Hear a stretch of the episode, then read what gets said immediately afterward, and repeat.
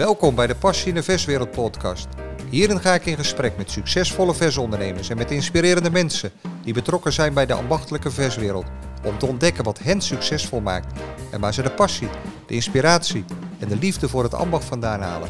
De bedoeling is dat jij er inspiratie voor jezelf uithaalt.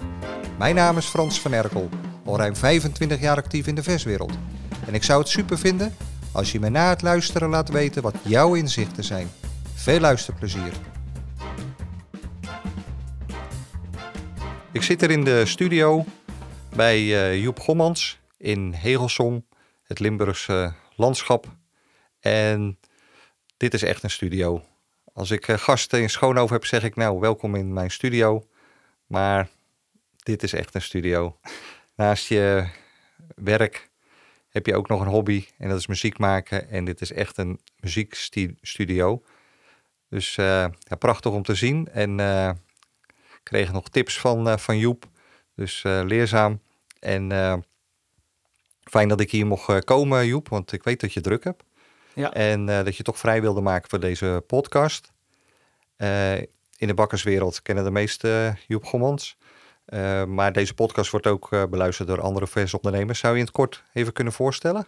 Uh, ja, natuurlijk. Ik ben inderdaad Joep Gommans, 44 jaar. Eigenaar van Bakkerij Support, waarin ik bakkerijen door het hele land ondersteun op het gebied van marketing. Eigenlijk in de meest brede zin van het woord. Um, met mijn vrouw Kim twee zonen van 10 en 7 jaar. En uh, nou ja, mijn hobby's uh, die heb ik inderdaad al verraden door de plek waar we zitten. Want uh, mijn passie voor de bakkerijbranche wordt aangevuld met de passie voor muziek en het opnemen van muziek. Dus ik heb een eigen muziekstudio waarin ik nou ja, artiesten en bandjes kan opnemen als, als hobby. En ik sta nog graag langs de lijn bij de jongens bij het voetbal als trainer-coach. dus nou, je verveel je niet? Ik hoef me niet te vervelen. Nee. Hey Joep, we beginnen even bij het begin. Hè, in de, dat je nog jong was en in de bakkerij werkte. Maar je hebt helaas jong je vader verloren. Ja. En nou, wat me opviel in een van de blogs is de, de wijze woorden van jouw vader. En die zei tegen jou, of tegen jullie, hè, want je broer Bas is nog bakker. Ja. En hij zei, in de toekomst wordt onderscheiden van de rest belangrijker als ooit tevoren. Ga nog studeren, zodat jij, je broer Bas, zijn kwaliteiten als bakker kan aanvullen. Hele wijze woorden. En dat heb jij ook gedaan, hè? Ja, klopt. Nou ja, wat, wat destijds al duidelijk was, want we spreken over 1998 eh, dat mijn vader overleed. En um, wat in ieder geval ons duidelijk was, kijk, mijn broer Bas en ik hebben uh, twee totaal uiteenlopende karakters en zijn twee totaal verschillende uh, type mensen. En dat ja, is altijd zo geweest, uiteraard. Dat hebben we ook altijd geweten. En met die wetenschap hebben wij ooit dat bedrijf overgenomen. Um, en voor Bas was het eigenlijk heel duidelijk. Bas was geen uh, schooltype. Niet omdat hij daar te dom voor zou zijn, maar omdat het gewoon het naar school zijn. Ja, dat is nou eenmaal niet weggelegd voor sommige mensen, omdat ze gewoon daar geen trek in hebben en in de praktijk bezig willen zijn en met hun handen iets willen doen en met hun passie iets willen creëren. Dus Basti is eigenlijk op vroege leeftijd gestopt met school en het leerlingstelsel gaan doen om op die manier bakker te worden. Um, ja, en mij trok juist weer de hele andere kant van niet zozeer het vak, maar het ondernemen. en toen mijn vader op zijn sterfbed lag, inderdaad, ja, toen was allang duidelijk, want toen mijn broer was inmiddels had, ja, was, was in het bedrijf gekomen om eigenlijk de uren van mijn vader uh, tijdelijk was de gedachte. Maar goed, dat het is anders gelopen. Om ze op te vullen. En ik, mijn vader heeft nog mijn diploma-uitreiking van vakschool Wageningen, waar ik mijn MBO-vakopleiding heb gedaan, heeft hij nog meegemaakt. in die zomervakantie is hij overleden en daarna ben ik met mijn marketingopleiding begonnen. Dus uh, hij heeft dat inderdaad goed gezien. En uh, ja, ik denk dat ook is gebleken dat uh, je niet alleen een goede vakman kunt zijn in het ambacht, maar dat je daarnaast ook gewoon een verrekt goede ondernemer moet zijn. En ja, een combinatie van beide is daarin natuurlijk het beste. Ja, en toen je met die opleiding begon, wist je toen eigenlijk al dat je niet altijd bakker zou blijven? Want je bent eerst gewoon bakker geweest. Ja. Na je opleiding? Ja, ja, dat wist ik. dat weet, uh, um, kijk, ik ben nooit fulltime. Ik heb nooit fulltime in die bakkerij gestaan. Wel in, in schoolvakanties uh, vanzelfsprekend. Kijk, uh, iedereen die in een, in, een, in een bakkerij opgroeit, ja, daarvan overlappen de verhalen. Hè? Dus je groeit boven of naast of in die bakkerij op. En op heel jonge leeftijd loop je daar rond en ben je al mee aan het werk. Ook al voelt dat dan nog niet zo. Ehm, dus ik heb natuurlijk mijn uren in die bakkerij wel gedraaid, maar met name gewoon uh, uh, toen ik gewoon nog op school zat, op de vrijdagnachten altijd gewerkt, de schoolvakanties altijd gewerkt. Um, maar toen ik klaar was met mijn marketingstudie, uh, ja, toen ging ik voor het eerst fulltime in het bedrijf werken, overdag. Ja, en toen heb ik dat nog een tijdje geprobeerd om te combineren met de vrijdagnachten. Maar goed, ja, dan ga je overdag op vrijdag op kantoor werken en dan s'avonds direct door de bakkerijen. Nou, het werd iets te veel van het goede. En mijn passie ligt in het, uh, in, het, in het creatieve, maar niet zozeer in het creatieve met de handen in het deeg, maar eigenlijk het creatieve. Wat kun je nou uh, anders doen dan anderen? Dus dat wist ik eigenlijk al heel erg snel. Dat mijn, ja, hè, ik wilde niet met de handen in het deeg, maar ik wilde eigenlijk al het andere doen. En mijn broer wilde omgekeerd, dus dat vulde elkaar goed aan.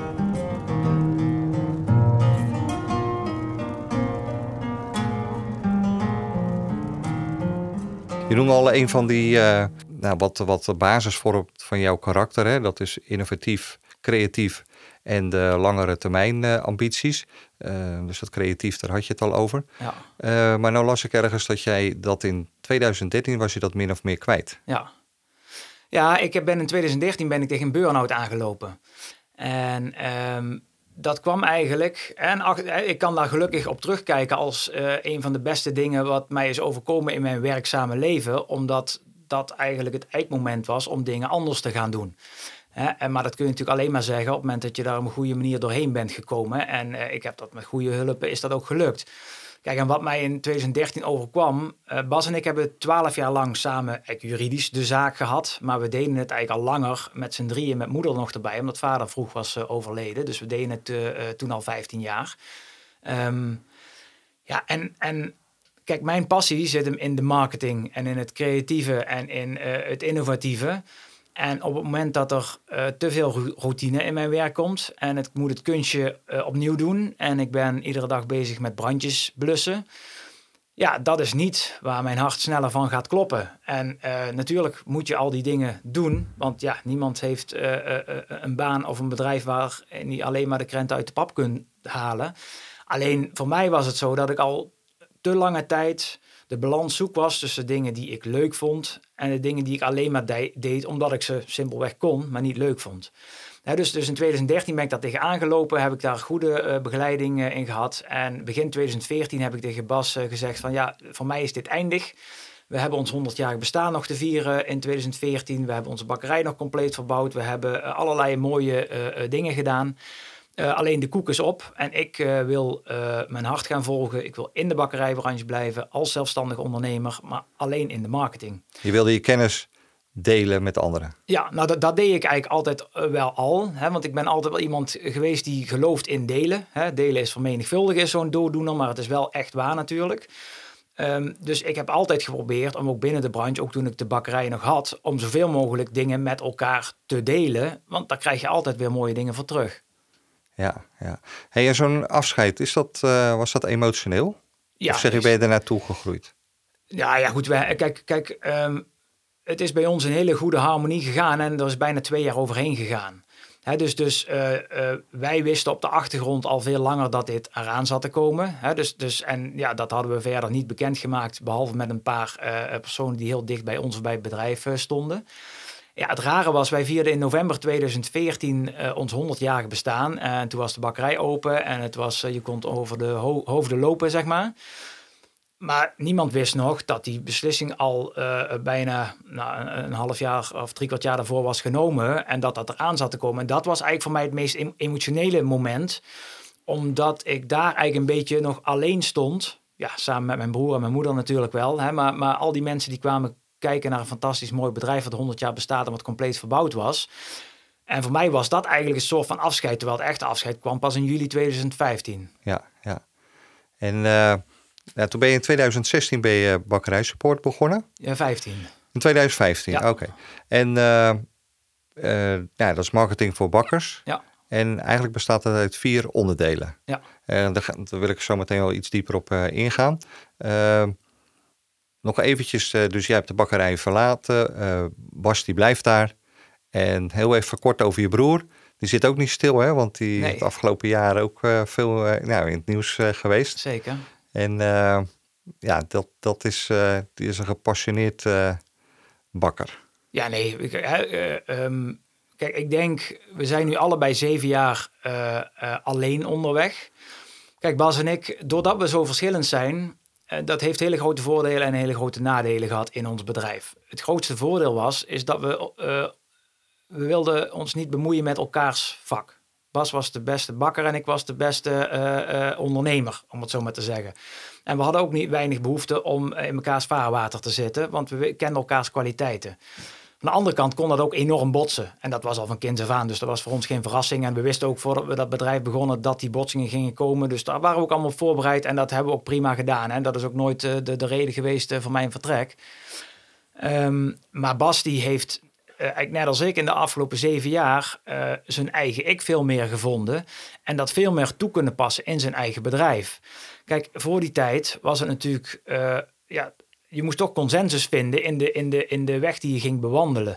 Nou, en Bas die heeft meegedaan met de meestertitel Ja. eh, het afgelopen jaar. Hè. Die heeft eh, ja, helaas eh, op de eindstreep ja, ja, is die ingehaald door zichzelf. Hè, want hij heeft gewoon een aantal dingen laten liggen waar hij niemand anders de schuld voor kan geven, eh, behalve zichzelf. Nou, dat doet hij ook verder niet. Hè. En hij is ook voornemens om het over vier jaar opnieuw te, te gaan proberen. Ehm, maar die weg naar die meester, dat was eigenlijk, ja, die komt wel voort uit de zoektocht naar zichzelf in dat bedrijf de afgelopen zeven jaar, waarbij het iets meer om het individu Bakker Bas is gaan draaien als om het familiebedrijf Gommans. In de goede zin van het woord, want ja, goede vakmensen die hun passie kunnen laten zien, ja, die kunnen die verhalen en die storytelling, eh, ja, ja, dat werkt en dat, ja, dat heeft hij gewoon heel goed gedaan. Ja, ja. Hey, dus ieder eh, zijn eigen wees. Eh, bakkerij support. Ja. Al, bestaat eigenlijk uit vier eh, onderdelen. Eh, welke zijn dat? eh? Ehm, nou ja, eh, storytelling eh, en, en, en, en online offline marketing. En ehm, nou ja, kijk, in de marketing is het doorgaans vanzelfsprekend dat je je focust op één onderdeel van marketing. kijk, marketing is heel erg breed.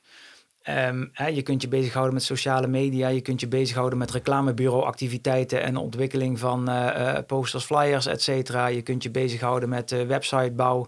Je kunt je bezighouden met eh, SEO, hè, dus, dus hoe word je gevonden in, in Google, et cetera. Ehm, en ik doe allemaal voor de bakker. En dat is ergens in de, al- als mijn branche marketing is, wat, wat het natuurlijk ook is, dan is dat eigenlijk een hele vreemde. Want eigenlijk is het gangbaar dat je overal specialisten op hebt zitten. Ja. Alleen mijn specialisme is de bakker.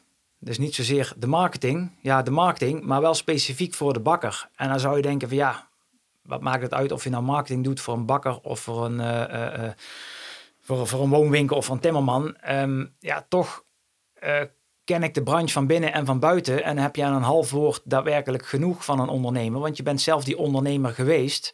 En je kunt veel praktischer te werk gaan. Dus, dus het vertellen van de verhalen, eh, eh, eh, een stukje marketing, planning en communicatie.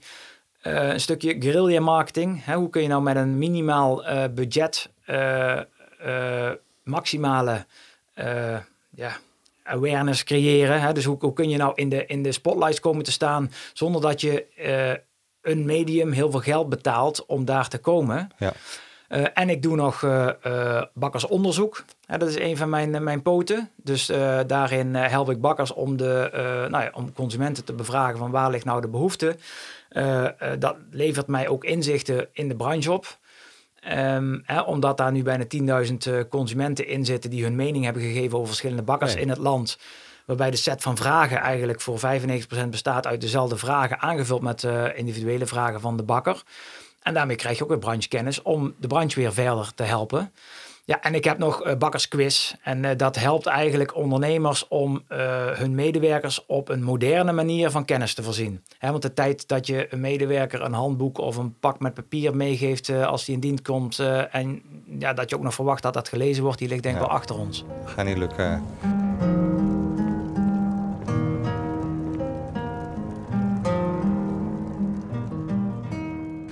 Hey, die, eh, heb jij het idee, eh, eh, dus jij doet dat marktonderzoek, die doelgroepbepalingen. Ja. Ik vraag daar wel meer naar in mijn, in mijn podcast, hè, voor, voor bij de slagers en zo. Heb ik toch wel geregeld de indruk dat, dat men niet goed weet wie zijn doelgroep is. Of wat de doelgroep is. Klopt dat? Ik denk dat het grotendeels klopt. En daarbij is het wel zo dat je doelgroep wel natuurlijk heel divers is. Tenminste, hè, je hebt natuurlijk eh, in een speciaalzaak krijg je mensen eh, binnen die eh, geld willen betalen voor een specialiteit. Hè, dus die doelgroepbepaling die snapt iedereen wel. Hè, dus op het moment dat jij je inderdaad zorgen moet maken of je nieuwe schoenen kunt kopen voor je kinderen, dan zul je waarschijnlijk eerder kiezen voor een goedkoper brood van de supermarkt als dat je naar de bakker gaat. Dus aan die kant is het, eh, eh, ziet iedereen denk ik wel wat zijn doelgroep is. Alleen daarbinnen is het super divers. En ligt het ook er heel erg aan op welke locatie dat je zit. En dat is natuurlijk ook, ja, je kunt zeggen van dat is geen keuze, want eh, eh, heel veel bedrijven worden van vader op zoon doorgegeven en ze zitten waar ze zitten. Maar goed, de werkelijkheid is natuurlijk wel dat je daar eh, zeker invloed op hebt, want je kunt op een gegeven moment besluiten om je winkel te verplaatsen naar een plek waar wel meer traffic is of waar meer een jongere doelgroep komt. Ehm, hè, maar dus naast locatie zie je wel dat het aanbod wat je doet richting de consument ook echt wel bepaalt welke klanten dat er binnenkomen. Dus dus eh, ik ben het wel mee eens dat eh, lang niet iedere ondernemer goed genoeg weet wat zijn doelgroep is. Maar daarnaast, als hij het al weet, misschien ook niet altijd genoeg doet om daarop invloed uit te oefenen. Hoe doe je dat? Nou, met name door aanbod en door eh, locatie, denk ik. Ik denk Ja. dat dat twee voornaamste zijn. Kijk, ehm, Maar de locatie is natuurlijk heel lastig. Je gaat niet zomaar je winkel verplaatsen. Ja, is dat zo? Kijk, dan ga ik, pak ik hem even terug naar mijn vader, die inderdaad eh, destijds wijze woorden eh, sprak. Alleen voordat hij die woorden eh, uitsprak aan mij, had hij vijf jaar daarvoor al zijn winkel, wat gewoon bij, zijn, bij de bakkerij lag in Zevenum. Hè. En Zevenum is een plaats met nu 7000 inwoners. Destijds was er eens een, gewoon één bakkerij, daar zit hij overigens nu nog steeds, met aan de voorkant een winkel, zoals op heel veel plekken. Ehm, heel veel bakkerijen zouden zeggen, ja, die winkel ga je niet verplaatsen. Want nu eh, eh, duw je eigenlijk de kar van de bakkerij de winkel in. Je hebt en je versbeleving en eh, je hebt geen logistiek nodig om het product van A naar B te brengen. Toch zag hij dat ook in een kleine dorpskern als Zevenum de gemeente inmiddels een filosofie had dat de winkels zich meer moesten gaan centraliseren. En heeft hij contact gezocht met slager en, en, en groenteman om een vershof hof te gaan beginnen naast de supermarkt. Ehm, en dat is ook gebeurd. Hè? Dus, dus eh, ja, je kunt zeggen, je hebt er geen invloed op, want die winkel ligt waar die ligt. Ja, maar ik ben het daar niet mee eens, want je hebt er wel invloed op. Want op de lange termijn kun je toch een visie neerleggen waar, waarbij je misschien moet gaan zeggen, ik moet een extra verkooppunt of ik moet mijn producten ook op een andere plek gaan verkopen. Bijvoorbeeld, hè, en, en dat is, vloeken volgens sommigen in de branche, bij de supermarkt. Waardoor je ook extra service kunt verlenen aan je bestaande klanten. Hè, dus je hebt natuurlijk best wel invloed op, eh, op eh, locatie. Want je kunt ook een huis bezorgen, is ook locatie. Eh, je kunt je product beschikbaar maken in verswinkels die hier veel liggen, is ook locatie. Dus het hoeft niet alleen maar met je eigen stenen locatie te maken te hebben. Eigenlijk zijn er voor de toekomst twee dingen belangrijk. Wat locatie betreft is eigenlijk dat je en in de buurt van een supermarkt zit. En dat je je met andere versondernemers zoveel mogelijk bij elkaar gaat zitten. Voor veel is dat zo. Hè? Er is natuurlijk een groep eh, eh, eh, bakkers. Neem de meeste kennen bakkerij Vreugdeheel in Maasdijk wel. Die ligt helemaal niet in de buurt van iets anders dan ook. En heeft een waanzinnige toko waar enorm veel producten verkocht worden. Maar waar mensen ook echt heel erg ver voor om willen rijden om daar naartoe te gaan. Dus het is vaak of het een of het ander. En dat heeft natuurlijk ook te maken met de vraag hoe bijzonder ben je? Hè, wil, ben je in een omrijwinkel, dan hoef je dus niet per se bij de slager, de groenteman, eh, eh, de kaas, eh, de vis te zitten. Of bij de supermarkt. Maar als je dat niet bent, ja, dan is dan, dan, en dat geldt voor de meesten natuurlijk, ja, dan, dan, dan is dat wel. Ja. ja. Zij weten natuurlijk ook heel goed social media in te zetten. Ja, nee, absoluut. nee, tuurlijk. Ja. Ja. Maar kijk, weet je, kijk, en, op, en op de manier die klopt. Hè? Als je het dan hebt over storytelling. Ehm, kijk, uh, online marketing staat vaak best wel ver af van mensen. Uh, terwijl ik zeg altijd van ja, online is hetzelfde als offline. Terwijl toch gedragen mensen zich online vaak heel anders als in de werkelijke wereld. En ik, heb, uh, ik geef heel veel trainingen, social media trainingen, ook workshops, fotografie, video met de smartphone, juist voor sociale media. En dan zeg ik altijd van ja, zie nou eens Facebook of Instagram of welk sociaal kanaal dan ook gewoon eens als een kroeg. Waar je op zaterdagavond binnenstapt als werkelijk persoon. Het eerste, um, en dan heb ik wel eens een verpakkingsmateriaal, uh, dat ligt daar van die bakker, bijvoorbeeld een taartdoos, daar staat groot het logo op. Ik zeg, stel ik zou de kroeg inlopen en ik hou deze taartdoos voor mijn hoofd. Dan zien ze dus iemand die binnenkomt lopen met een logo voor zijn gezicht. En toch doen heel veel bedrijven doen dat nog. Hè? Die hebben als hun profielfoto alleen een logo en geen persoon. Um, dat is, zou in de werkelijke wereld zou natuurlijk heel raar zijn als je binnenstapt met een logo voor je gezicht. Want dan maak je geen enkele connectie met uh, mensen. Hè? Mensen maken contact met mensen als je ze in de ogen kunt kijken, als je er een gesprek mee kunt voeren.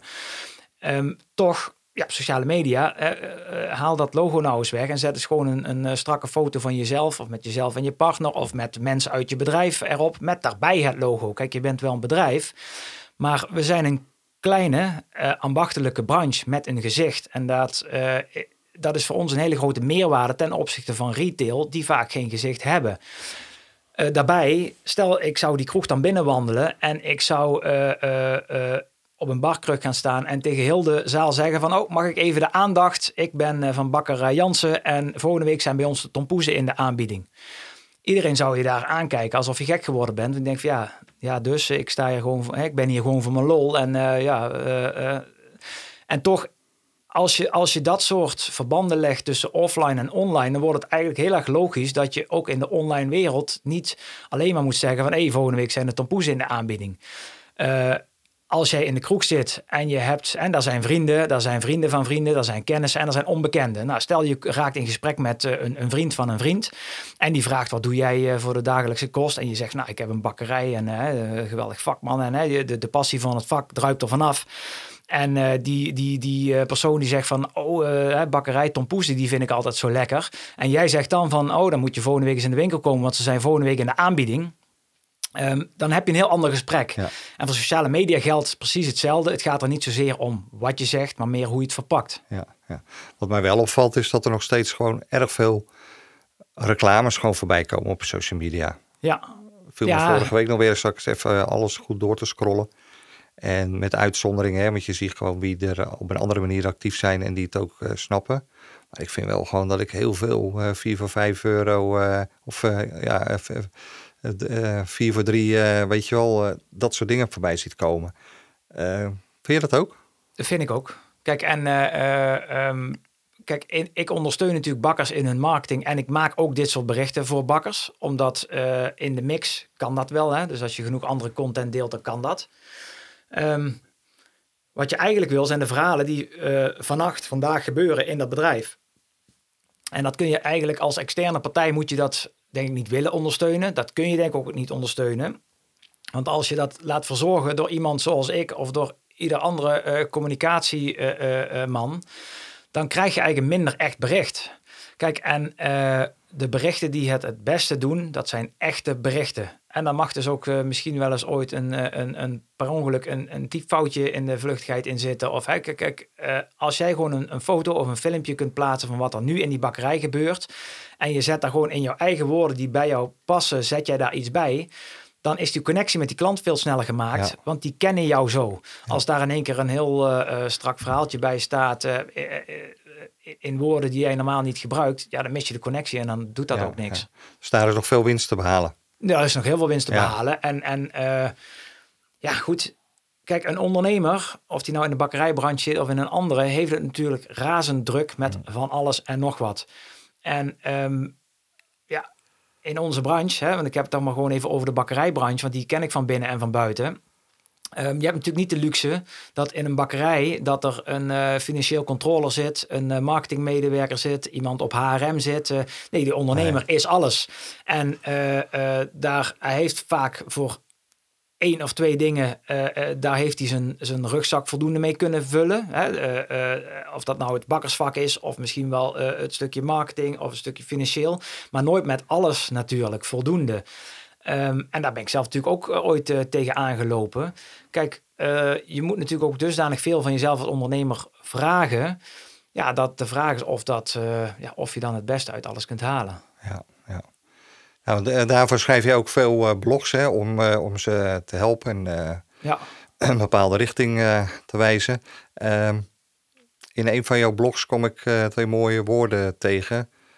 Smaakvervlakking en grondstofvervlakking. Ja nou ja, wat zijn dat? Die uh, blog waarop jij doelt, uh, die heb ik... Want ik schreef al blogs voordat ik bakkerijsupport had. Dus het is niet zo... Hè, kijk, ik ben nu eigenaar van bakkerijsupport en schrijf blogs... Um, omdat ik denk hè, dat ik leuke dingen te vertellen heb. En enerzijds uh, ben ik daarmee zelf ook zichtbaar natuurlijk in de, in de branche. Want die blogs die verschijnen niet alleen op mijn eigen website en sociale media en nieuwsbrief. Maar ook in de, twee vakbladen waarvoor ik gewoon die columns uh, schrijf voor Bakery Next en, en Bakkerswereld.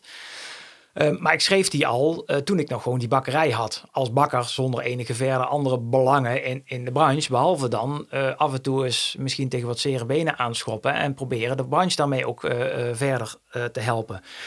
Kijk, en ehm, voor ons is het kwartje gevallen en dat is nu, ja, wat zal het zijn? Een jaar of uh, uh, 12, 13 geleden, denk ik. Toen um, kwam er een Franse bakker bij ons in dienst of in dienst. Het verhaal was iets anders. Wij kregen een sollicitatiebrief. Nou goed, als vandaag de dag een bakker een sollicitatiebrief krijgt van een bakker, dan is hij morgen aangenomen. Hè. Want, want, uh, maar goed, destijds waren het andere tijden. Uh, toen lag zeg maar, de machtsverhouding nog een beetje uh, bij de werkgever in plaats van bij de werknemer. Dus er was voldoende aanbod van bakkers. En wij kregen een sollicitatiebrief van een Franse van een Fransman. Die had een Nederlandse vrouw. En zij hadden uh, jarenlang uh, in Frankrijk gewoond. En zij sprak gewoon Frans met hem. Dus hij sprak geen woord Engels, geen woord Nederlands. Alleen zij had heimwee gekregen. Zij kwam uit de gemeente Horst en de Maas, uh, waarin, waar zeven hem ook valt. en ja, ze hadden besloten, we gaan de koffers pakken en we gaan terug naar Nederland. Of terug, ja, voor hem was dat zijn eerste uitstapje naar Nederland. Hij was bakker en zij hielp hem met solliciteren. Uh, Bas, die met de bakkers moest werken, die zei van ja, dat ga ik niet doen. Want hoe moet ik met iemand communiceren uh, die geen woord Nederlands of Engels uh, spreekt? Dus dat laten we aan ons voorbij gaan. ik als marketeer zag daar direct een kans, want Frankrijk, kijk, Nederlanders die aan Franse broodcultuur denken, die denken direct aan het croissantje en het knapperige baguette die s morgens daar vers uit de oven komt.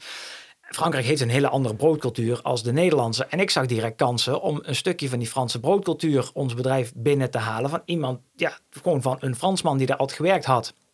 Um, dus ik heb Bas ervan kunnen overtuigen van, nou, we gaan toch het gesprek aan. En, uh, want uh, ik wil dat wel graag, ondanks dat ik uh, ja, niet aan de werkbank sta met hem.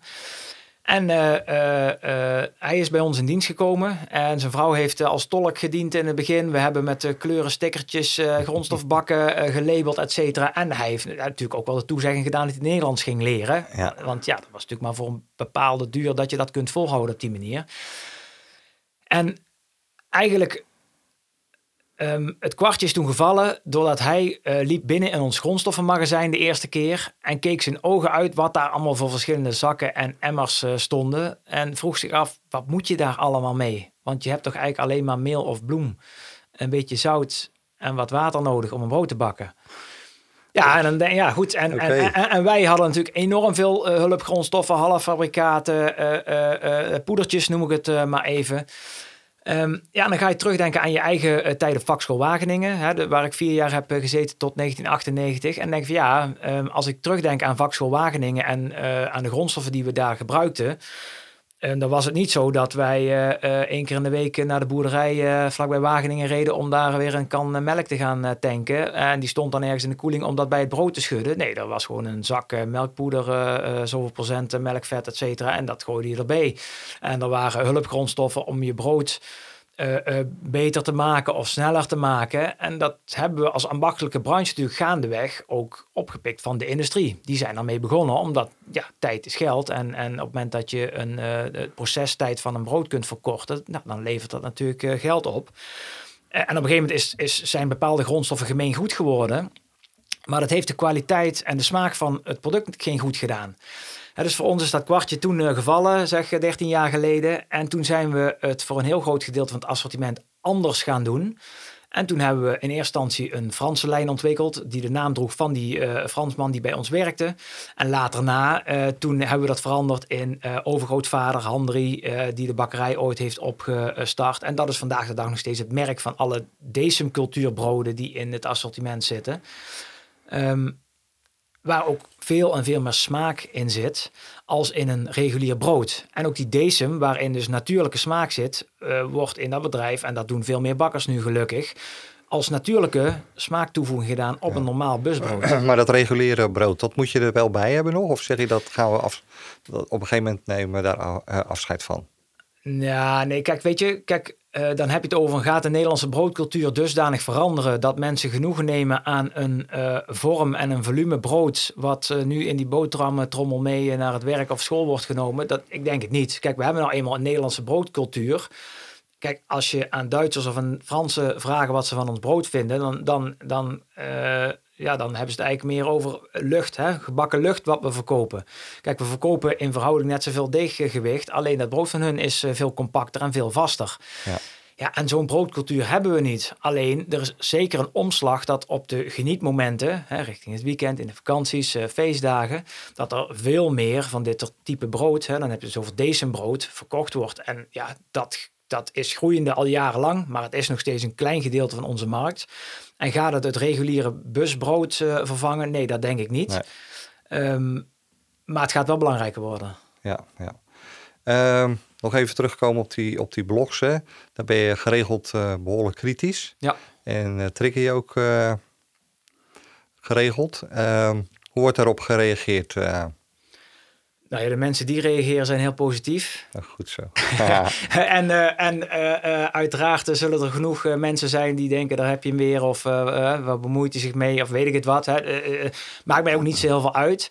Kijk, de kritische noten die had ik al toen ik gewoon mijn eigen bakkerij nog had. Dus die zijn niet gekomen nu ik, ja, kijk, ik voel me geen buitenstaander. Kijk, ik denk, ik ben een van de weinige uh, mensen die het beroep heeft wat ik nu heb, namelijk uh, uh, marketing. nou, ik zeg nooit adviseur. Ik, ik, vind mezelf ook geen adviseur. Ik heb een hekel aan de term adviseur, want ja, daar zit ergens misschien een pijnpuntje uit mijn eigen verleden als ondernemer. natuurlijk zijn er heel veel goede adviseurs, maar het woord adviseur ja, daarmee leg ik al snel de associatie aan iemand die zegt: Hier heb je een advies, veel plezier ermee, ik ben wel weg en doe er je voordeel mee. En ik ondersteun, ik wil praktisch aanwezig zijn, ik wil meedoen. Je bent meer begeleider. Ja, ik, ik, hè, ik ben begeleider. En bij begeleiding hoort een goed advies, wat vaak voorafgaand gaat. Maar ik zal nooit alleen adviezen geven die vervolgens, om vervolgens weer weg te stappen, want daar heb ik zelf de lol niet in. Nee, ehm, en, dan, en dan geloof ik ook niet in succes. En, en uh, natuurlijk is er verschil tussen ondernemer A en ondernemer B, uh, uh, wat je daarin kunt doen. maar over het algemeen zeg ik van, nou, adviseur, dat, dat ben ik niet. Um, nou, even terug naar jouw vraag, want nu ben ik de vraag even een beetje kwijt. Nou, de vraag was dat je, dat je natuurlijk geregeld kritisch bent. Ja. en of dat, of dat geaccepteerd wordt.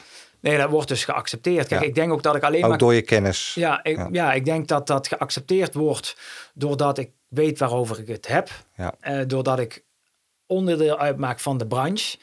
Um, ik kan gewoon met iedere bakker ondernemer in de wij-vorm praten.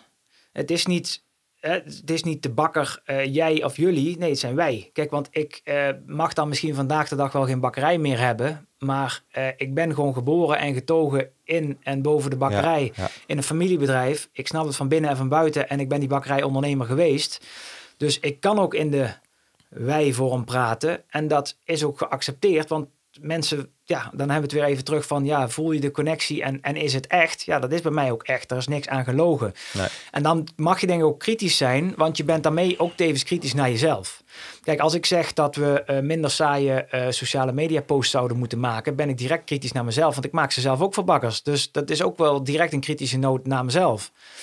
En um, nee, ik krijg over het algemeen op iedere uh, column of blog die ik plaats wel ergens een mailtje of een reactie op sociale media. En uh, ik hoor ook regelmatig gewoon terug van ja, hè, ik lees altijd die stukjes van jou, hè, zo noemen ja, ze het dan vaak. Ja, Dus met uh, zoete broodjes bakken, dan uh, daar red je het niet mee. Je moet gewoon ook kritisch zijn naar. Ja, maar ik denk dat dat over het algemeen zo geldt. Wil jij sterker worden in iets in het leven? Hè? En, en dan richten we ons even op. wil je sterker worden in je bedrijf? Dan heb je natuurlijk weinig aan, aan ja-knikkers. Dan, dan heb je het meeste aan iemand die af en toe eens een keer kritiek geeft, die het minst leuk is om te horen. Ja. Um, maar waar, en die moet e misschien even moet landen, waar je als, als primaire reactie misschien op zou willen zeggen van wat moet je mee, of uh, dit klopt niet, of uh, het zit anders, of uh, ja maar. Hè. Maar waarbij als het kwartje valt, dat je gaat denken van ja, goh, er zit natuurlijk wel een kern van waarheid in en misschien moet ik er gewoon zelf iets mee. Ja. Hetzelfde geldt voor wat jij schreef, dat veel ondernemers vastzitten in hun eigen patroon. Ja. Ehm, dat herkennen ze dan ook als, als je het uitlegt? Nee, maar zeker maar goed. Ja, ik denk, uh, kijk, zeker de laatste jaren. We, we, we komen natuurlijk uit een, uh, uit een coronatijd. Uh, ja, waarbij iedereen in het leven natuurlijk een, een, een het, het, hele leven heeft een andere wending gekregen. Um, over het algemeen zijn, zijn ondernemers veel meer met brandjes blussen bezig geweest. Um, en zijn dus eigenlijk heel erg bezig geweest met dat vaste patroon en veel minder met nieuwe dingen. En ik denk de meeste ondernemers worden wel gedreven door ook met nieuwe ontwikkelingen bezig zijn. Anders waren ze geen ondernemer geworden namelijk. Ehm, en daarin merk ik nu toch al wel een paar jaren, veel meer als eh, de jaren daarvoor, dat ook ondernemers daar tegen grenzen gaan aanlopen van ja, goh, uh, ik moet wel leuk blijven vinden. Ehm, en, en dus die zien echt wel zelf ook wel dat ze vastzitten in bepaalde gedachten en patronen. Maar je moet die brandjes blussen, want anders staat de zaak in de fik. Dus kom maar maar eens uit. Wat er andere keuzes gemaakt worden, Joep? Um, er, moeten, uh, er moeten keuzes gemaakt worden. Hè? Uh, en daar begint het vaak. Als je niet kiest, word je gekozen. Dat was ooit een, een titel van een, uh, van een column die ik had. En daar geloof ik ook in.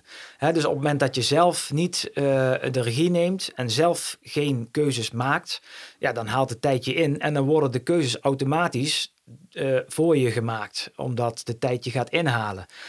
En er is ook geen goed of geen slecht. En, en je moet in ieder geval keuzes maken. En wat die keuze voor jou is, ja, die kan voor iedere ondernemer in die bakkerijbranche uh, anders zijn, als je maar kiest.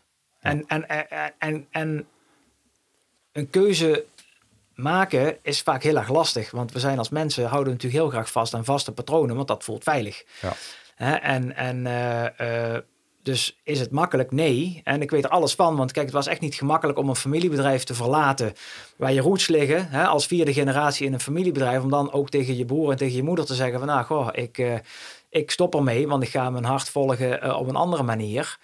Alleen het is een keuze die mij goed gedaan heeft. En als ik nu terugkijk naar de zeven jaar waarin ik bakkers heb geholpen om bepaalde keuzes te maken, of het nou ging om assortimentsmanagement of om uh, ja, de koers van het bedrijf te gaan veranderen dan doet dat in het begin het meeste pijn. Hè? Kiezen geeft kiespijn, zeggen ze wel eens ooit. Um, maar op de lange termijn word je er wel een uh, uh, gelukkiger mens en een betere ondernemer van.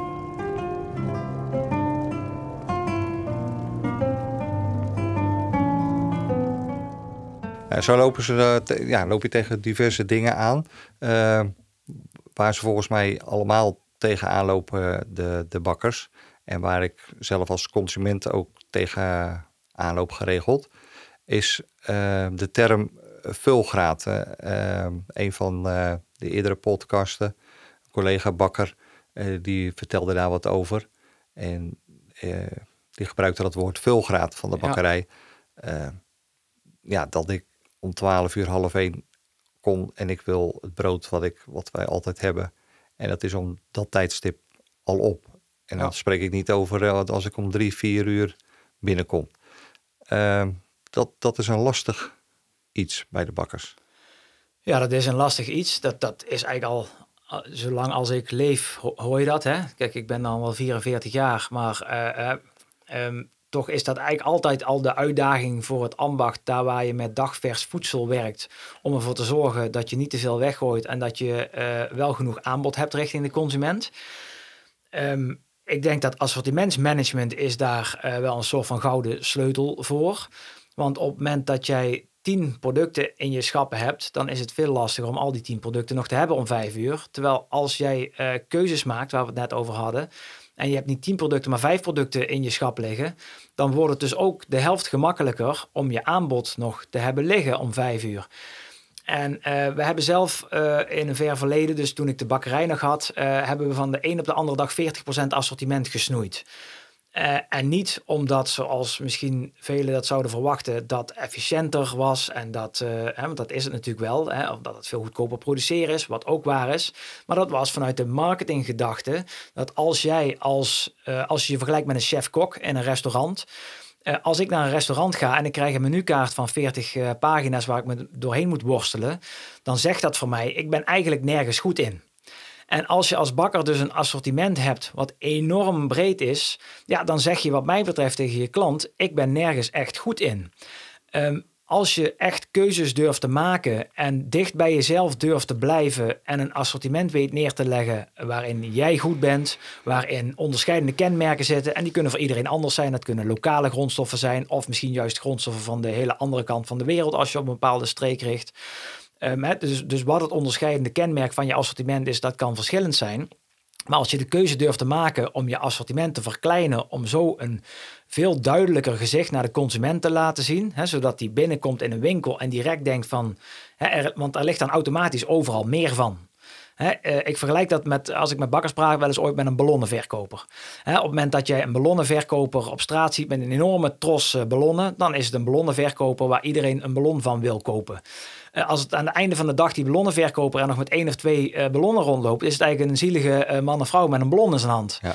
En zo, dat, dat gaat voor een bakkerswinkel ook op. Op het moment dat jij vol kunt presenteren, en dat kun je gemakkelijker als je assortiment kleiner is, ga je meer verkopen en gaat het ook, kijk, um, het sturen op nee-verkoop en op retouren is ook gemakkelijker bij een hogere omzet. En die kengetallen zijn er volop aanwezig in de branche, waar, waar dat ook veel duidelijker naar voren komt. Op het moment dat jij een winkel hebt met een hoge omzet, dan is relatief, procentueel gezien, uh, het veel gemakkelijker om je neverkoop en je, en je retouren in de hand te houden. Hè? Dus ja. er zit wel een wisselwerking. Dus assortimentsmanagement en het, en, en, en het durven maken van keuzes is wat mij betreft uh, daar een sleutelwoord in.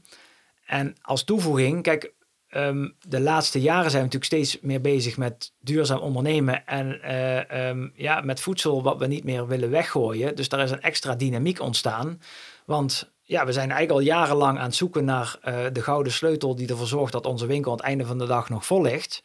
Alleen heel veel moderne consumenten verlangen eigenlijk van ons dat we dat niet meer gaan weggooien. Hè? Dus wat doe je met die reststroom? Want ja, te veel overhouden zorgt er ook voor dat je vaak geen verstandige reststroom meer hebt. Dus daar ligt nog weer een extra uitdaging nu. Ja. Daarbij zit je natuurlijk dat de, de, de supermarkt die vulgraad wel redelijk uh, op peil heeft. Ja, kijk, de, uh, uh, daarom pleit ik voor, voor om ook veel meer op het onderscheidende vermogen te gaan zitten als te, elkaar te concurreren op kwaliteit. Ja. Kijk, stel nou dat 100 bakkers uh, de beste croissant maken. Hè? Ja, dat kan misschien niet, maar stel dat ze, dat ze allemaal een croissant maken met een rapportcijfer 10. Ja, dat maakt nog steeds niet uit bij welke bakker dat je die gaat kopen, want ze verkopen allemaal dezelfde. Um, als er een van die bakkers eh, één andere croissant gaat verkopen, die misschien volgens de rapport, rapportcijfers uh, maar een 7 is, maar waar, waarbij een bepaalde groep consumenten denkt van hé, die is anders en die, dat, dat past meer bij mijn smaak, dan heeft hij toch waarschijnlijk een groter marktaandeel uiteindelijk voor zijn zaak als uh, die 99 anderen. Hè, dus dus um, ja. ja. Joep, het valt toch gewoon niet mee als jij een bakkerij hebt vlak naast een Lidl uh, daar tegenover zit een school. Mhm. Die kochten altijd bij jou de croissantjes. Ja. Totdat uh, er een, die supermarkt met een grote broodafdeling uh, kwam. Ja, raak je dan nog een croissantje kwijt? Nee, maar goed, dan moet je dus misschien iets anders willen verkopen als het croissantje. Ja. Kijk, en, en ik uh, zit liever naast de Lidl als er uh, uh, 500 meter vandaan. Kijk, want dan is het traffic even goed nog bij de Lidl, maar je kunt er zelf niet meer van mee profiteren. Kijk, destijds toen mijn vader die winkel verhuisde naar een versgroep naast de supermarkt in, in Zevenum, toen zijn er heel veel collega uh, ondernemers geweest. Van ja, dat moet je nooit doen natuurlijk. Naast de supermarkt gaan zitten. Want die zetten daar een stoepbord precies naast de jouwe. En uh, bij jou staat erop een brood voor nou, destijds misschien drie gulden. En bij de supermarkt staat dan 1 gulden 50. Dus ja, ja. dat moet je natuurlijk nooit doen. Nou, het tegendeel is destijds wel bewezen. Want de supermarkt eh, en er zijn meer, natuurlijk meer winkels die traffic maken. Maar als je naast een trafficmaker zit, dan heb je traffic voor je deur. Alleen de vraag is, wat doe je ermee? Nee, dan moet je natuurlijk niet op je stoelbord zetten vier croissants uh, voor uh, 5 euro. en het stoelbord daarnaast staat vier croissants voor 1 euro. Dan moet je op, op, een ander product gaan zitten. Ja, ja. ja, dat zijn hele stappen voor een, voor een ondernemer, toch? Ja. Ja, nee, maar dat zijn ook hele stappen. Alleen het zijn wel, kijk, het is niet zo dat het is noodzakelijk. Dat, het is noodzakelijk en, en uh, dat zit er natuurlijk ook al wel een hele, hè, die, die, die, die groei van de supermarkt, die is natuurlijk uh, redelijk gestaag gegaan en dat uh, is al jaren aan de gang. Dus het is ook niet zo dat je dat niet kunt zien aankomen en dat je je niet kunt voorbereiden op de toekomst. Ja, ja. Hey, en heel veel vraagstukken. we hadden gehoopt dat na de corona dat het oude normaal weer zou komen.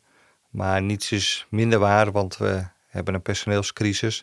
We hebben een energiecrisis. We hebben een asielcrisis. We hebben een klimaatcrisis. Een milieucrisis. Ben ik heel pessimistisch nu. Maar het is uh, wel realiteit. Nee, ja, bij op 1 hadden ze deze week uh, hadden ze inderdaad een top 10 van uh, crisis die uh, op dit moment speelden. Dus, ik zat nog maar op de helft. Die kwamen zelfs tot de 10 ja. op dit moment. Dus ja, we leven in rare tijden. Ja, goed. Uh, ik kan me voorstellen dat, uh, dat de telefoon rood gloeiend staat. Met Joep, wat moet ik doen? Nou, er zijn heel veel grote zorgen. Hè? Dus ik voer iedere dag gesprekken met, uh, met, met ondernemers die hele grote zorgen hebben over de toekomst. En um, um, die zorgen zijn natuurlijk terecht. En die, zijn, en die, zijn ook, die spelen nu en op de korte termijn.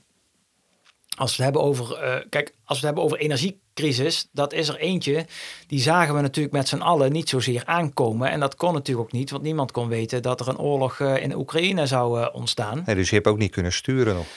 Nee, dus, dus je ziet op dit moment een hele grote ongelijkheid tussen ondernemers als je het hebt over hoeveel geld van je omzet moet er naar energie toe. Um, ja, kijk, van de ene kant um, um, Kijk, ondernemers die eigenlijk altijd al actief zijn omgesprongen met hun energiebeleid en dan misschien een tussenpersoon op hebben gezet uh, die, die uh, misschien die handel wat beter in de gaten hield. Ja, die hebben misschien daarvan wat voordelen kunnen halen. Alleen niemand heeft een glazen bol. nooit gehad en gaat ook niet komen. Dus niemand heeft zich hierop kunnen voorbereiden. En je ziet dus bakkers die op dit moment al pijn hebben van een variabel contract. Ja, wat 10, 11 keer over de kop gaat. Hè, dus dan heb je het over 1000 procent ten opzichte van 100 procent wat ze aan een energierekening kwijt zijn. En je hebt bakkers die nog een wat langer contract hebben, die, uh, ja, die, ja, je, ja, die toch wat meer geluk hebben gehad. En, en daar zit natuurlijk een ongelijkheid die niet meer, uh, ja, die, die, waar we de toekomst nu niet meer in kunnen. Ja. Ja, dat zijn wel uh, zorgen. En dan hebben we nog de personeelscrisis. Ja. Hoe kan je daar nou een beetje in sturen, Joep? Nou ja, kijk, de personeelscrisis die speelt natuurlijk al wat langer. Hè? En dat, uh, dat, dat geldt natuurlijk voor heel veel branches waar uh, uh, met de hand gewerkt wordt. Hè? Waar heel veel anderen vaak oneerbiedig spreken over lager opgeleide. Hè? Daar moeten we eens mee stoppen. Hè? Kijk, als ik, ik heb twee schoolgaande kinderen van 10 en 7 jaar. Uh, en uh, die van 10, hè, die wordt dan 11, uh, dus, dus die, hè, die, die zit in groep 7 nu. Dus die gaat dadelijk richting een eindoordeel van zijn basisschool, wat een stukje de verdere loop van zijn leven zal gaan bepalen. En je merkt eigenlijk al dat op zo'n basisschool um, een kind wat een VMBO-advies krijgt. Nou, er worden net nog geen tissues met, uh, uh, op tafel neergezet in een gesprek met ouders uh, om de tranen te deppen. Ja. terwijl iemand die een HAVO-VWO-advies krijgt, daar hangen, worden de slingers opgehangen. Terwijl dat slaat natuurlijk helemaal nergens op. Want waarom zou een goede vakman, hè, en in onze branche uh, stikt het ervan, een goede bakker, maar ook of een goede slager, uh, maar ook in, de metaalindustrie, of je bent een goede loodgieter. Dat zijn mensen uh, die heeft dit land heel, heel hard nodig. En waarom is het moeilijker om een goede vakman te worden dan, ja, en ik zeg het maar even onerbiedig, dan wat ik zelf ook doe, met je luie reet achter een computerscherm te zitten om daar dingen op te maken. Hè, dus, dus er is een enorme ongelijkheid tussen mensen die praktische beroepen uitvoeren en de mensen die achter een computer zitten. En het heeft geen enkele grond wat mij betreft. Nee. Uh, alleen, de keerzijde is natuurlijk wel, ja, dan zou je zeggen van oké, okay, uh, uh, eigenlijk een goede vakman, die moet nu gewoon net zoveel betaald kunnen krijgen als een, een marketeer of een fiscalist of wat dan ook. Maar ja, als ik morgen tegen de bakker zeg, hè, dat speelt natuurlijk nu, hè, er komt 10% loonsverhoging van de minimumlonen aan. En dat gaat impact hebben op het hele loongebouw. Hè, dus dat is niet alleen de onderkant, maar het werkt door naar boven toe. Ja, en die bakkers die hebben helemaal geen financiële middelen nu, want die energierekening die kan er niet betaald worden. Dus die bakkers die zijn heus wel welwillend om hun medewerkers meer te gaan betalen. Alleen ja, het verdienmodel is er niet, nee. niet naar. Dus daar ligt een gigantische uitdaging voor de lange termijn. Ja, dus je zal het met minder personeel moeten doen. En misschien ook de consumenten als ze een goed brood willen, smaakvol brood, goed brood, ambachtelijk bereid, dat ze daar ook iets langer voor wachten. Ja, en iets meer voor betalen. Kijk, hè, want, want we, ja, we leven wat dat betreft in een vervelend land. Want Nederland uh, uh, geeft ongeveer het minste uit van heel Europa aan voeding. Hè, van, hè, dus van de, van de salarisstrook gaat het kleinste aandeel uh, in heel Europa, in Nederland, naar voeding. en in landen als Frankrijk of als Duitsland is dat heel anders. En België trouwens ook is geloof ik het dubbele van, van Nederland. Uh, het percentage wat mensen van hun loonstok uit willen geven aan voeding. En ook meer geduld hebben ze. Hè? Dat valt mij zelf altijd op in die winkels. Dat ze gewoon, uh, ja, dan, dan, dan staan ze gewoon rustig te wachten. Ja. Ze aan de beurt zijn en denk, nou, dat gaat hier bij ons in de Randstad uh, gaat dat gewoon niet gebeuren. Nee, precies. Kijk, maar ook, kijk, en daar, kijk, op zich de factor tijd, daar heb je natuurlijk nog wel enigszins op, invloed uh, op als uh, ondernemer. Want dat kan met je winkelconcept te maken hebben. Hè. Stel, je hebt een toonbankwinkel waar iedereen netjes achter elkaar op zijn beurt moet wachten. Dan, laat je, dan geef je eigenlijk iedere klant in de winkel net zoveel tijd. Terwijl de ene klant die wil meer tijd en de andere klant die wil minder tijd. En er zijn natuurlijk wel winkelconcepten waarbij je uh, de ene klant de andere kunt laten inhalen richting de kassa. Waarbij je uh, de klant die een praatje wil maken die tijd kunt geven en de klant die snel weg moet naar die kassa kunt laten gaan. Ja. Anderzijds hè, zijn er ook tal van bakkers die natuurlijk andere oplossingen hebben. Online bestellen, bezorgen, waardoor die klant de tijd niet in de winkel hoeft, kwijt hoeft te zijn. we werken steeds vaker met pick-up points, waarbij je ook na sluitingstijd met een code een, een, een, een huisje in kunt of een broodautomaat waar je je bestelling of producten uit kunt halen. Dus op zich die factor tijd, daar heb je denk ik nog wel invloed op als ondernemer. Ja, ja. Die, hoe zie je dan de, de toekomst in het geheel van de ambachtelijke verswereld? Hè? Dus de bakker, de slager, de visboeren.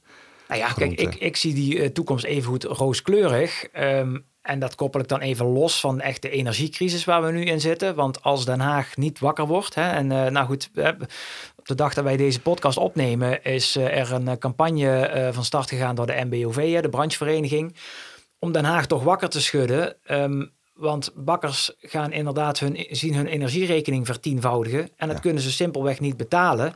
En de MBOV heeft uitgerekend dat 40 tot 60 procent van de bakkers uh, uh, failliet gaat. op het moment dat daar geen oplossing voor komt. Hè, dus, dus dat is echt een korte termijn crisis uh, waar we middenin zitten en die moet opgelost worden, want anders dan zie ik het ook somber in voor onze branche. Als we die even kunnen wegparkeren en ervan uitgaan dat daar een oplossing voor wordt gevonden. En de meest mooie zou zijn is dat vandaag nog die, uh, die oorlog in Oekraïne ja. stopt en er rust komt in de wereld, hè, want daar uh, is natuurlijk iedereen bij gebaat. Um, laten we vanuit gaan dat dat uh, uh, probleem zich gaat oplossen, dan zie ik wel gewoon een hele rooskleurige toekomst tegemoet. Kijk, want um, het grootste verval van het aantal bakkers, dat hebben we inmiddels wel achter ons. Kijk, hè, de bakkersbranche heeft nog, uh, laten we zeggen, uh, 20, 25 procent van de markt in handen. En dat is uh, in delen van het land kan het iets meer of iets minder zijn. En maar laten we zeggen dat driekwart van de handel verkocht wordt door de retailer en een kwart nog door de speciaalzaak. Um, degene die over uh, zijn gebleven, dat wordt ook niet meer veel minder de laatste jaren. Tijdens coronatijd is het juist iets gestegen. Maar goed, dat zien we nu ook alweer iets, uh, iets afnemen. Maar goed, degenen die over zijn gebleven, ja, uh, die doen toch iets waar consumenten behoefte aan hebben. En als ze maar keuzes durven blijven te maken en zich nog verder gaan onderscheiden, dan is er echt altijd wel een grote groep consumenten die naar die speciaalzaken toe gaat.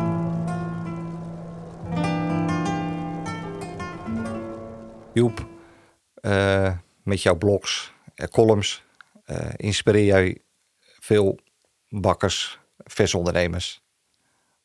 Maar dan wil ik wel graag weten, waar wordt Joep zelf door geïnspireerd?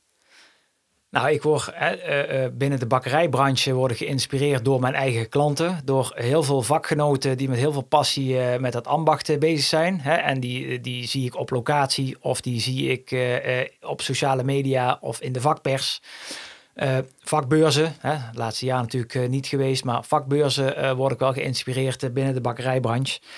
Ehm, ja, en binnen mijn vakgebied van marketing laat ik mij inspireren door met name een aantal figuren zoals Jos Burgers. ik ben fan van Jos Burgers zelf. En Jos Burgers, uh, zijn thema is hoe maak je nou fan van jouw klanten? En, en dat is voor mij echt een leidraad uh, om ook altijd aan de slag te gaan met, uh, met bakkers. En ik heb Jos, ik heb in een masterclass mogen zitten in coronatijd in een kleine groep waarin ik echt met een aantal thema's van bakkers bezig ben geweest met Jos één op één. En dat is eigenlijk wel uniek. Uh, podcasts, hè, het zal je niet verbazen, maar uh, ik laat me inspireren door podcasts, uh, waaronder jouw eigen podcast Passie in de Verswereld.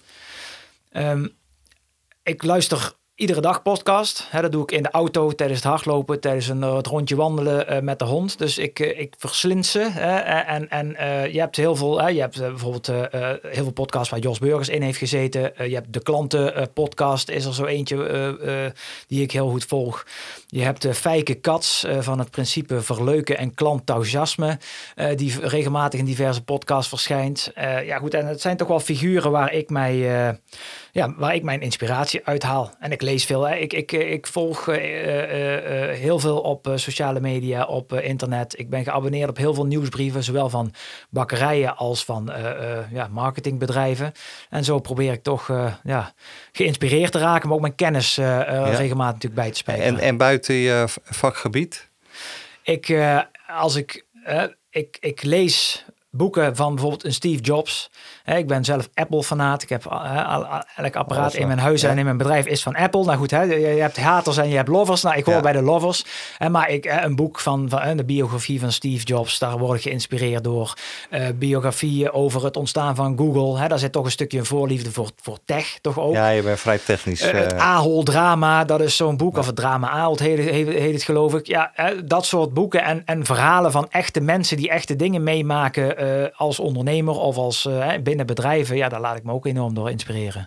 Ja, dus uh, ja, je bent een echte lezer en echt een, een, een ja, alle informatie die, die neem je tot je. Ja, en dat is wel eens lastig, want er is natuurlijk enorm veel informatie vandaag de dag. Dus je kunt onmogelijk alles tot je nemen.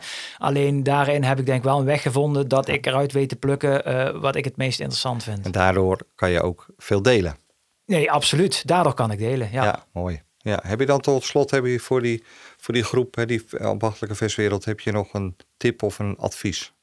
Ja, kom ik toch terug bij uh, kies of wordt gekozen. Hè, dus, dus niet kiezen is altijd de slechtste keuze. Want ja, dan uh, gaan andere mensen voor je kiezen. Ja, ja dat is een mooi slot, uh, Joep. Je hebt heel veel verteld. Ja. ja, kunnen er nog wel veel langer over praten, want er zijn zoveel onderdelen waar je, waar je dieper op in kan gaan. Maar uh, ja, een podcast heeft een bepaalde tijd. Zeker. En die, uh, die hebben we naar mijn idee goed gevuld. En ik wil je heel hartelijk bedanken. En uh, nou, ook wijsheid toegewenst in het begeleiden van, van de, ja, die mooie ambachtelijke ondernemers. Dank je. En ja, ik hoop inderdaad dat, dat de overheid ook wijze keuzes maakt de komende dagen. Nee, voor dat, de brand. Dat, dat, hoop ik ook. Hè. En ik wil jou natuurlijk hartelijk danken voor jouw uh, rit. Hè? Want het, ja, goed, we zitten niet uh, direct naast elkaar uh, bij de deur. Maar goed, hè, de, de, rit naar het pittoreske Hegelsom hier. En ja, hè, dat, je, dat je toch de rit hier naartoe hebt gemaakt om, nou ja, goed, om mijn verhaal dan, dan aan te horen. Dus daarvoor hartelijk dank. Was waardevol. Dank je. Super dat je weer luisterde naar deze podcast. Wil je op de hoogte blijven? Abonneer dan op Spotify of iTunes. En heb je vragen of suggesties? Stuur me een berichtje via social media of een e-mail naar frans.vanerkel.nl. Graag tot de volgende aflevering.